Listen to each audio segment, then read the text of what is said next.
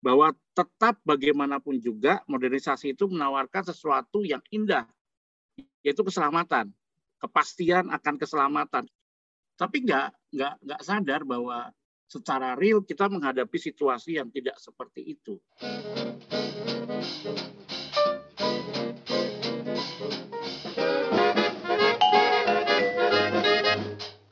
Assalamualaikum warahmatullahi wabarakatuh. Salam Om Swastiastu, Namo Buddhaya, salam kebajikan. Kembali lagi di podcast LP3S Bincang Pustaka. Dan pada kesempatan kali ini rekan-rekan LP3S kita akan ngebahas sebuah buku yang menarik ya, yang cukup fenomenal gitu ya terkait masalah masa depan kemanusiaan. Superhero di era pop culture. Yang mana uh, kita akan diskusi di sini bareng salah satu, oh bukan salah satu, lebih tepatnya adalah penulisnya itu sendiri, yaitu Pak Paul Heru Wibowo. Selamat ya. siang Pak Paul. Selamat siang Mas Ilmi. Selamat, Selamat siang, siang semuanya. Ya. Jadi pada sesi kali ini nanti kita bakal ngebahas teman-teman terkait apa sih yang menjadi keresahan dan tujuan dari Pak Paul ini awalnya untuk membuat buku ini karena memang buku ini uh, istilahnya mengambil sebuah sudut pandang yang lain gitu ya dari superhero gitu ya Hmm. mengambil sudut pandang lain dari uh, kalau misalkan kita tahu kan superhero itu cenderung lebih ke arah uh, pertarungan visi gitu ya. Hmm. action gitu kan. Tapi Pak Paul hmm. ini dalam bukunya di masa depan kemanusiaan itu mengambil sudut pandang lain kayak gitu. Nah mungkin boleh diceritain nih Pak kira-kira apa Pak yang menjadi keresahan Bapak awalnya dan apa yang menjadi tujuan Bapak untuk membuat buku ini? Bisa ya baik. Terima kasih Mas Hilmi. Jadi buku ini diterbitkan oleh LP3S tahun 2012. Ini sudah cukup lama sebenarnya ya. Um, mengingat kembali gairah untuk menulis buku ini tentu saja perlu sedikit demi sedikit untuk mengingat-ingat kembali ya.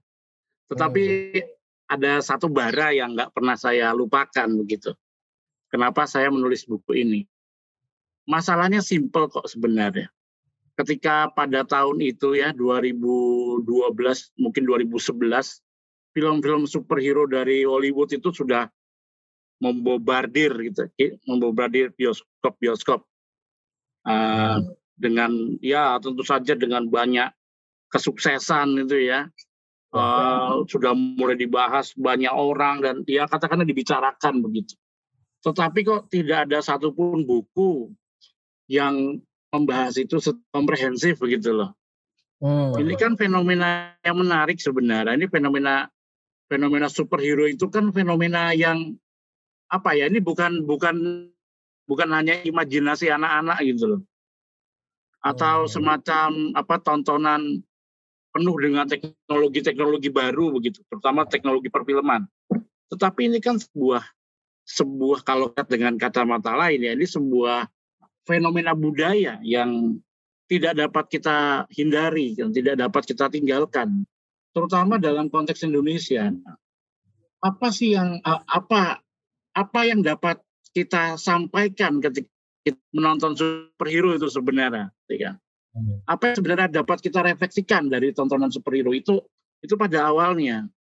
Saya melihat kok oh. belum ada buku begitu. Lalu kemudian saya mencoba merenungkan Irsa menjadi penonton dari ini semua. Hmm.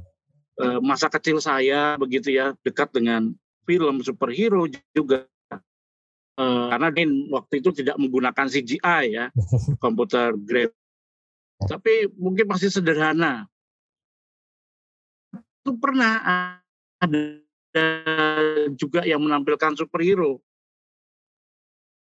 dimainkan oleh Teddy Purba dan Pak W.D. Mokhtar. Film itu berkesan sekali dalam hidup saya.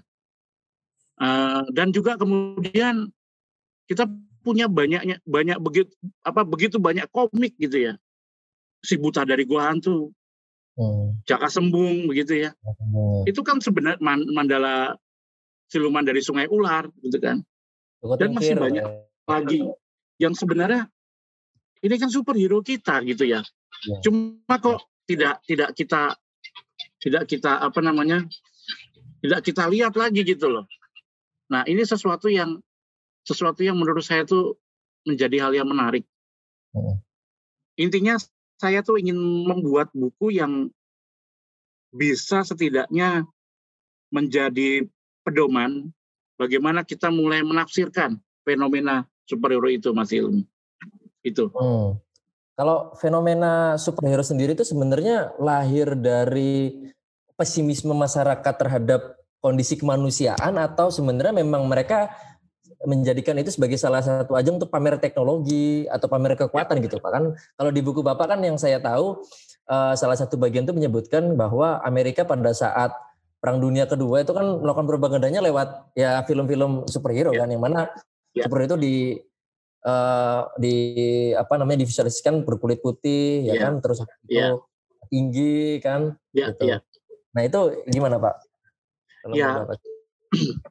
Jadi memang uh, fenomena superhero itu sendiri sebagai fenomena budaya itu memang tentu saja muncul dari uh, Amerika ya dan Amerika memang menggunakannya sebagai bagian dari budaya populer.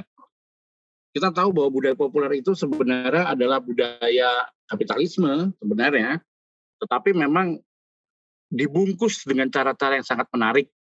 Cara-cara yang begitu apa ya tersembunyi ya. Sehingga kita tidak sadar itu sebenarnya begitu akrab dengan kapitalisme itu. Nah memang proyek modernisasi katakanlah proyek modernisasi termasuk juga budaya populer itu kan memberikan certainty, memberikan kepastian akan janji keselamatan manusia yang lebih baik, manusia yang lebih hebat, manusia yang lebih melek teknologi, manusia yang lebih apalah dahsyat lah begitu ya. Tetapi dalam kenyataannya kan proyek modernisasi itu gagal ya. Setidaknya dengan perang dunia pertama, kedua, perang Vietnam, eh, pertentangan ideologis barat dan timur dan sebagainya begitu. Ternyata tidak tidak tidak sebegitu hebat yang dibayangkan. Nah, tetapi di layer budaya populer ya proyek modernisasi itu seperti dipertahankan bahwa tetap bagaimanapun juga modernisasi itu menawarkan sesuatu yang indah, yaitu keselamatan, kepastian akan keselamatan, kepastian akan dunia yang baik, dunia yang indah, dunia yang nice to stay dan sebagainya gitu. Tapi nggak nggak nggak sadar bahwa secara real kita menghadapi situasi yang tidak seperti itu. Maka kalau kita memang um, memperhatikan film-film superhero itu kan kita merasa aman ya. Hmm, iya, iya. Uh, beberapa waktu misalnya film Endgame, meskipun Iron Man mati begitu katakanlah ya, tapi kita masih aman kok ada Captain Amerika, ya, ada, ada teman-temannya lagi ya. Avengers ya pak ya. Iya, Avengers ada sekitar kita gitu ya. Kita hmm. merasa aman, tapi tunggu dulu. Apakah memang itu yang kita apa namanya memang memang apakah memang Thanos yang kemudian menjadi ancaman bagi kita? Hmm. Apakah memang Darkseid yang menjadi ancaman bagi kita gitu kan misalnya? Nah, itu Amerika. Masalahnya ketika itu diterjemahkan ke dalam konteks masyarakat Indonesia itu beda, Mas. Hmm. Beda sekali. Hmm. Jadi fenomena superhero ini kan sekali lagi dalam konteks Indonesia itu muncul dari komik pertama-tama bukan dari oh. film. Walaupun hmm. sudah mencoba untuk membuat film ya, katakanlah dulu mungkin ada tontonan tuh seperti ya uh, Panji Manusia Milenium begitu kan ya, atau uh, Darna ya, Gadis Ajaib. Ya katakanlah be beberapa figur begitu ya. Hmm. Tapi konteksnya beda dengan Amerika. Hmm. Di Indonesia apa yang ini. Tuh, Pak? Nah, membedakan itu apa itu? Maksudnya kan ya. berarti ada ada distinction Pak antara betul betul superhero barat dan superhero versi timur betul, gitu. Betul.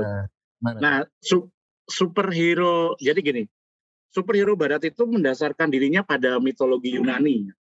Hmm. Manusia-manusia hmm. kuat setengah dewa gitu seperti Hercules itu ada di dalam diri Superman begitu. Hmm. Dan juga mitologi sebenarnya ya disadari atau tidak tidak ya yang membuat superhero seperti Superman itu kan orang-orang Yahudi. Hmm. Uh, mereka uh, tentu saja ingin juga menghadirkan satu wacana tentang mesianisme ya yang memang uh, ditunjukkan lewat para superhero itu. Hmm. ke kerinduan mereka. Karena Yahudi tetap butuh Mesias gitu kan. Oh, sampai Mesias. sekarang pun begitu kan. Ya, nah ya. ini berbeda dengan konteks Indonesia. Hmm. kita punya wayang ya. Dongeng kita itu begitu banyak. Cerita rakyat itu berlimpah ya. Tidak seperti Barat atau itu juga sama seperti Jepang pun demikian, folklore begitu banyak. Uh, China pun demikian, folklore begitu banyak. Sehingga yang mendasari itu adalah nilai, gitu, keutamaan, virtu. Di sana tuh ada ada nilai seperti cerita wayang itu kan yang ditawarkan virtu. Iya. Uh, tentu saja Andawa yang hadir di Indonesia ini berbeda dengan yang di India ya. Kalau di sini kan kita tahu bahwa wayang itu mengalami proses asimilasi dan juga bahkan oleh uh, Sunan Kalijogo itu dipergunakan sebagai media dakwah yang ya. baik maka virtunya itu kuat nilainya itu kuat Arjuna itu bukan hanya sekadar donjuan yang donjuan yang apa namanya ya yang sana sini itu pokoknya uh, perempuan bisa tidur dengan dia dan sebagainya enggak ada ada laku spiritual yang begitu hmm. yang apa namanya yang justru mengekang Eh, apa namanya uh, kemampuannya untuk melakukan hal-hal yang sebenarnya apa ya uh, larang ya? larang itu sama Krishna ya, ya itu begitu. Yang sangat duniawi begitu. Jadi boleh dikatakan bahwa nilai itu nilai spiritualnya begitu kuat. Hmm. nah maka dari dasar itu superhero superhero yang dihasilkan oleh oleh uh, orang Indonesia ya masyarakat Nusantara ini adalah memang yang memang bertujuan untuk menghadirkan nilai-nilai itu.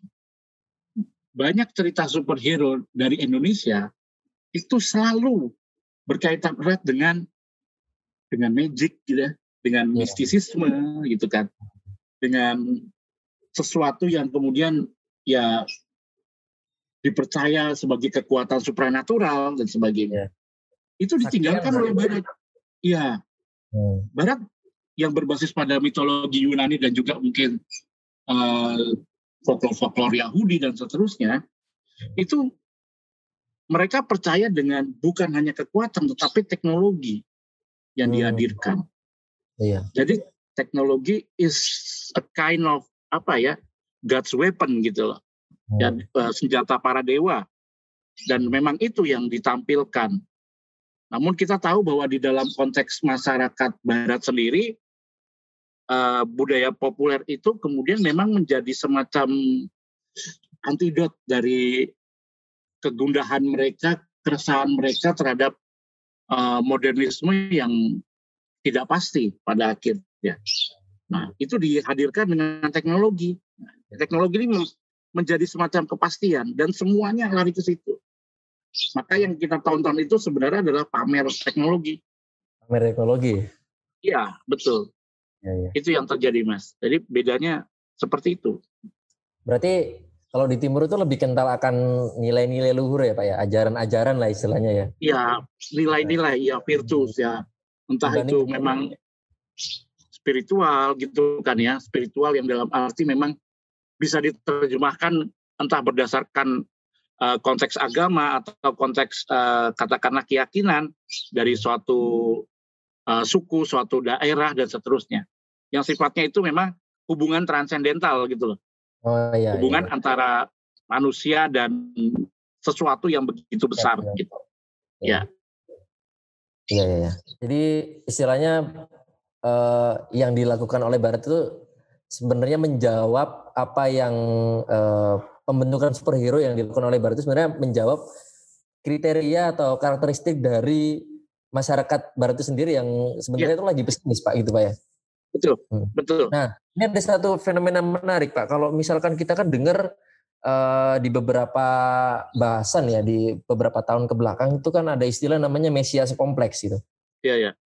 Ada satu paham yang dinamakan mesias kompleks hmm. itu kan. Uh, istilahnya di tengah kondisi dunia yang sedang tidak uh, pasti terhadap uh, ya. kemanusiaan gitu kan. Nah, akhirnya ada satu pemahaman di dalam alam pikir manusia tertentu gitu ya, yang dia menganggap bahwa diri dia adalah sebuah penyelamat gitu. Ya, ya, ya. Nah, fenomena ada kaitan nggak sih Pak dengan bahasan kita yang sebelumnya tadi itu? Maksudnya kan orang pada akhirnya berpikir bahwa dia tuh ya saya ini dalam diri saya ini Imam Mahdi gitu ya, kan. Ya, ya, ya, kalau ya, misalkan ya, bahasa Islamnya ya. saya misalkan Nabi Isa, saya kan misalkan uh, siapa gitu kan. Nah, jadi kayak ya. Apakah itu termasuk dari uh, bisa disamakan gitu, bisa dianalogikan kayak gitu? Betul, betul. Itu betul sekali, Mas. Saya sambil nyontek apa yang sudah pernah saya tulis ya. itu di, di, di bagian lima itu saya bicara tentang satu eh, pembahasan mengenai Imam Mahdi dan Satria Piningit ini. Nah, iya, Jadi iya. memang memang itu setelah saya renung-renungkan kembali eh, kebutuhan akan hadirnya eh, penyelamat gitu, kebutuhan akan hadirnya Ratu Adil Satrio Piningit atau Imam Mahdi hmm. itu memang memang menjadi semacam apa ya eh, semacam hal yang sebenarnya hidup di dalam masyarakat modern juga ya. Hmm. Maka memang eh, penyelamat kita hari ini di dalam masyarakat modern itu ya kapitalisme gitu ya. Ya karena kapitalisme itu memberikan kepastian. Ini ini tentu saja bukan keyakinan saya, bukan ya. bukan agama saya kapitalisme itu ya, tapi tapi ini sebuah kritik bahwa dengan kapitalisme tuh orang menjadi hidupnya tuh pasti gitu loh. Contoh ya, ya. Uh, lahir di mana itu jelas gitu loh, ada rumah sakit yang besar gitu kan. Saya itu sekolah di mana itu sudah ada ya. Hmm. Terus setelah kemudian mau beli baju di mana, mau makan di mana itu udah besar, apalagi dengan gadget. Pasti gitu loh. Orang tidak akan kesulitan gitu loh. Bahkan ketika mati sekalipun itu sudah tahu dia akan dimakamkan di mana dengan cara apa dan sebagainya itu sudah pasti. Sudah ada servisnya, sudah ada jasanya dan seterusnya. Dan memang itu yang apa ya yang dikejar oleh masyarakat barat yang rasional ya. Hmm. Kita ingat bahwa sejak zaman pencerahan kita kembali ke belakang gitu ya. E, semakin lama unsur agama itu kan karena katakanlah uh, uh, kekuasaan gereja waktu itu semakin lama semakin tereduksi gitu kan. Karena orang sudah mulai lepas dari itu. Orang merasa bahwa gereja sama saja dengan uh, apa namanya dengan dunia uh, spiritual yang lain yang mungkin entah menawarkan sihir atau menawarkan hal-hal yang tidak tidak rasional. Kehadiran para filsuf seperti Immanuel Kant itu membawa bukti bahwa memang ketika dalam masalah apa pun kamu tidak harus langsung memikirkan Tuhan sebagai pemecah masalah itu. Nah. Tinggalkan dulu sebentar gitu kan. Kita berpikir dengan rasio kita begitu. Itu menurut Immanuel kan gitu kan. Maka kita tahu bahwa di zaman itu setelah itu masyarakat barat itu lebih condong menggunakan ya rasio. Descartes Rene Descartes mengatakan cogito ergo sum kan ya saya berpikir maka saya ada ya sudah. Saya tidak perlu percaya yang lainnya. Kalau saya berpikir maka itu. Dan apa yang terjadi sekarang sebenarnya kehadiran superhero itu pun itu sebenarnya merupakan manifestasi atau wujud dari apa yang sebenarnya sudah dilakukan oleh masyarakat barat pada masa lalu. Hmm. Dan kapitalisme itu adalah bentuk rasionalitas tertinggi yang bisa dilihat gitu loh. Karena rasionalitas membawa kita kepada materi gitu kan. Ya pasti. Kalau kita bisa melihat, memegang, hmm, meraba ya, ya itu berarti memang nyata gitu kan. Sementara hal yang abstrak itu kemudian disingkirkan dan mitologi pun hilang, digantikan oleh film sekarang yang juga menjadi the new mythology. Karena orang lihat dan itu nyata di hadapannya. Anak-anak itu anak-anak itu begitu terinspirasi oleh ya, mitologi superhero ini. Hmm. Ya. Dan memang karena apa bisa dilihat juga di mall mereka lihat ada uh, apa namanya kostum Iron Man dan seterusnya.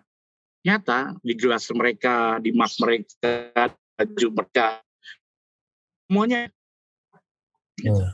Jadi memang uh, Mesias kompleks seperti yang Mas Ilmi sampaikan itu akan terus ada, akan terus apa ya, menjadi semacam agenda yang disadari atau tidak itu selalu dibubuhkan gitu loh. Dan di itu dalam, selalu ada Pak ya? Di setiap pergantian, di setiap ya. peradaban ya Pak ya? Betul, itu sadar peradaban seperti itu. Jadi mungkin karena kapitalisme itu juga me, apa ya, me, apalagi sekarang seperti hmm. me, mengatakan bahwa apa yang kamu pakai hari ini itu ya harus segera kamu ganti gitu loh. Ya, ya. Karena update gitu loh, update. Nah itu kan sebuah juga menjadi sebuah kepanikan, kepanikan sosial ya, kepanikan masyarakat modern tuh kalau menggunakan yang lama gitu, Anda berada dalam lift ya, gitu, ya. kemudian Anda menggunakan BlackBerry, hmm. Anda kan nanti. Gitu. Kalau bahasa masih ada ya. iya, itu Mas Ilmi, banyak kan uh, ya kira-kira seperti itu.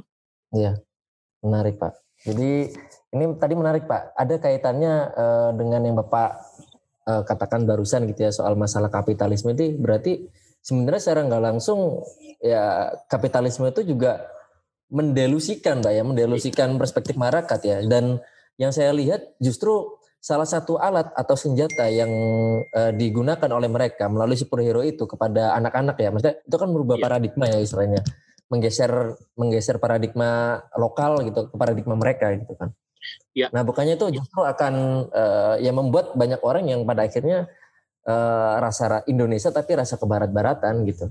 Istilahnya iya, betul, betul. Uh, banyak akhirnya menuju ke arah sana gitu kan. Ya. Cuman memang itu fenomena yang menurut Bapak itu natural atau sebenarnya ya apa namanya ya sebuah kesalahan gitu di dalam sebuah masalah si masyarakat.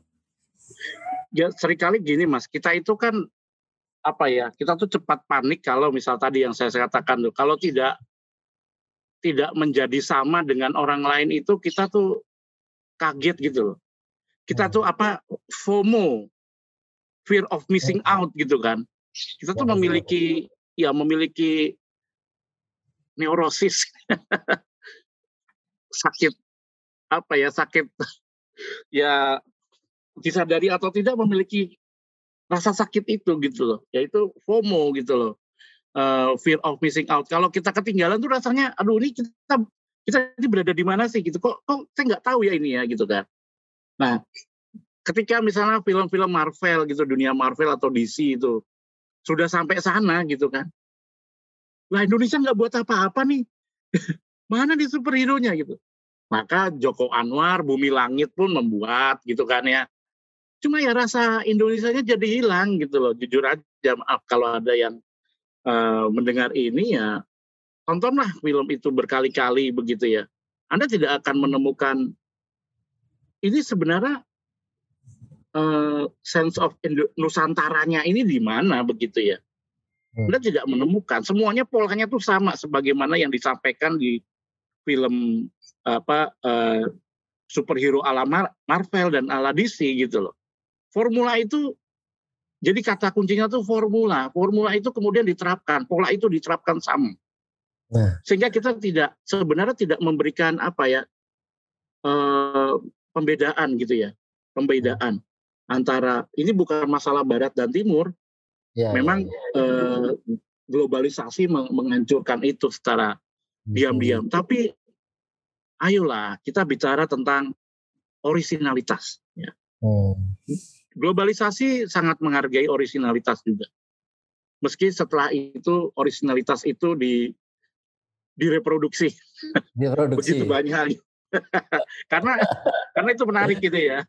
Eh, saya jadi ingat film The Raid ya, film The Raid yang dimainkan oleh Mas Iko Uwais ya.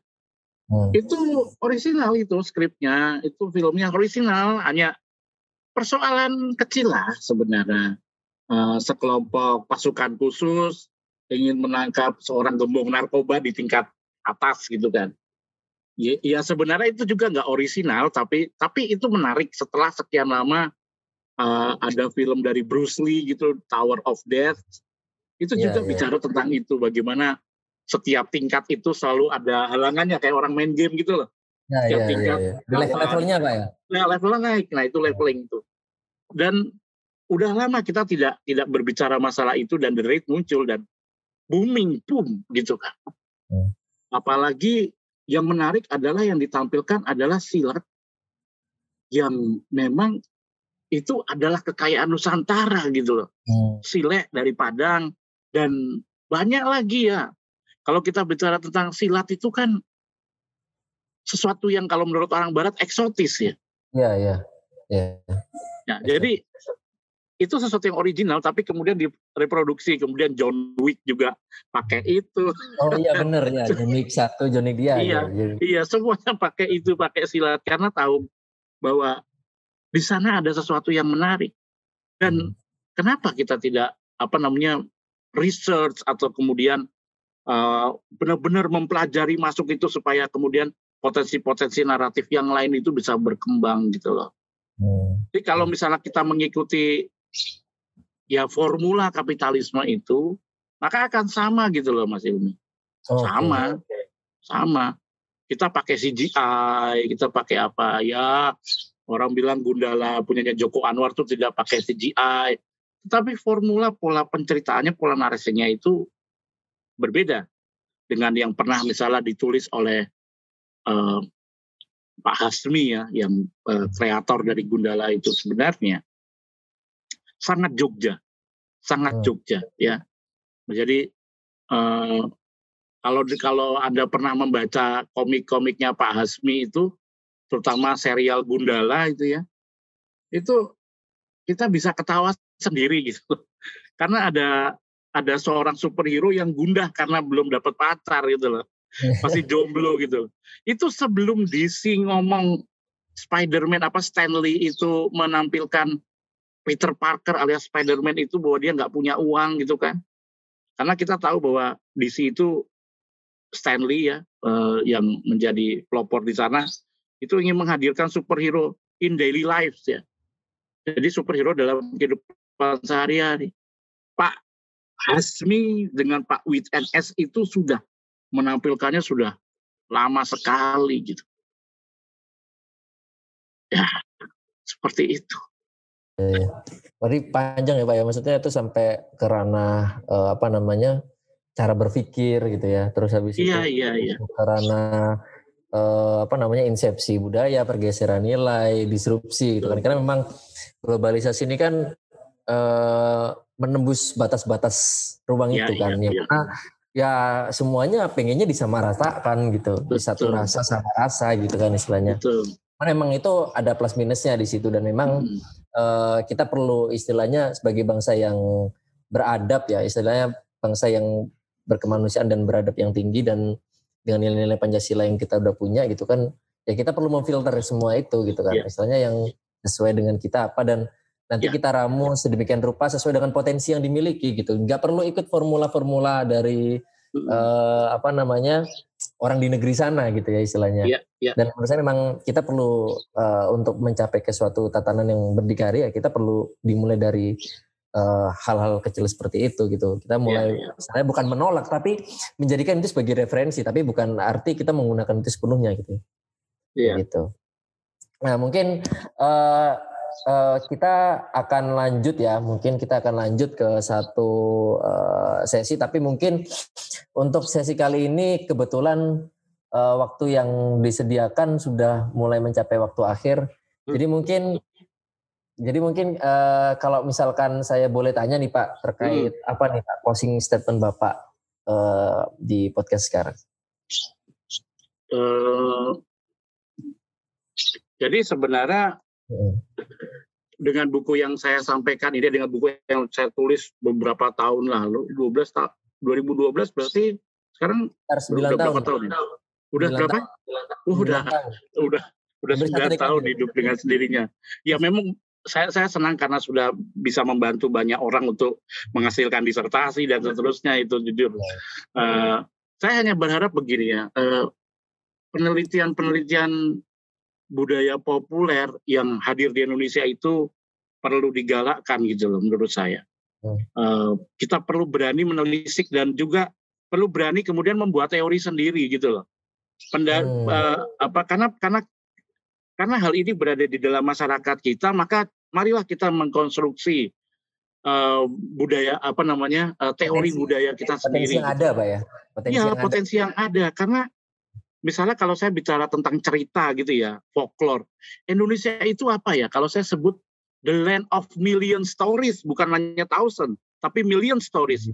Begitu banyak, luar biasa. Setiap daerah punya potensi, setiap daerah punya jagoannya, punya superhero-nya, punya kekasannya, keunikan, originalitas. Saya rasa ya mungkin orang bilang postmodernisme udah selesai atau apa pun begitu ya. Tetapi jejak yang ditinggalkannya cukup kuat. Kita harus berani untuk hadir secara orisinal. Orisinal itu berarti menggali potensi naratif, menggali narasi-narasi baru. Kita ini dipenuhi oleh narasi-narasi yang menurut saya itu ah oke okay lah gitu loh, cuma begitu-begitu saja gitu loh. Membuat hmm. masyarakat gundah, apalagi masyarakat kita ini sekarang adalah masyarakat yang tidak awas, tidak care, tidak waspada karena gadget ya media hmm. sosial membentuk pola pikir sehingga ya sehingga terkungkung sebenarnya kita memiliki banyak informasi tetapi kosong sering kali. Nah, yeah. kita berani untuk kemudian ayolah terutama untuk anak-anak muda walaupun humaniora kita sekarang ditekan begitu untuk tidak hadir, untuk tidak berkembang dan seterusnya. Justru ini kesempatan kita semua untuk mencoba melakukan uh, sesuatu ya karena hmm. ini ini juga menjadi bagian dari kemanusiaan kita sebenarnya. Hmm. siapa manusia hari ini pun juga terlalu banyak ditentukan ada teknologi digital, bukan? Yeah. Sementara di luar sana masih ada banyak hal lain yang bisa kita perjuangkan seperti folklore ya, seperti cerita-cerita yang lain yang begitu banyak tadi yang saya katakan. Itu saja sih, Mas Ilmi. Siap, makasih banyak Pak ya. atas penjelasannya ini menarik sekali kalau misalkan kita uh, nggak batasin ini kayaknya bakal belas gitu ya. Iya, iya, iya. Di komputer. ya, Boleh Pak. mungkin pakai yang lain. oh ya siap. Terima kasih banyak Pak Paul atas ya, kesempatannya okay. untuk menghadiri di podcast ini. Ya. Nah mungkin teman-teman uh, para kaum milenial tentunya bisa membeli buku masa depan kemanusiaan di LP3S atau kalian bisa coba lihat di Instagram galeri buku LP3S. Nah, kalian di situ bisa mencari uh, apa namanya daftar-daftar buku dan salah satu yang buku menarik adalah masa depan kemanusiaan. Yang mana kami sempat melakukan sebuah uh, apa namanya ringkasan Pak terkait masalah buku itu. Gitu. Jangan lupa uh, subscribe uh, YouTube follow IG Galeri Buka P3S. Sampai ketemu di kesempatan selanjutnya. Terima kasih Pak Paul. Terima ya, kasih ya, semua. Sama-sama Ya. Sehat selalu ya. Alhamdulillah. Sehat, Pak. Ya. Sehat selalu juga Pak. Ya. ya. Salam buat teman-teman di LP3S. Saka LP3S ya. ya. Oke. Ya. Terima kasih banyak Pak. Ya. Assalamualaikum. Yo, waalaikumsalam. Terima kasih. Ya.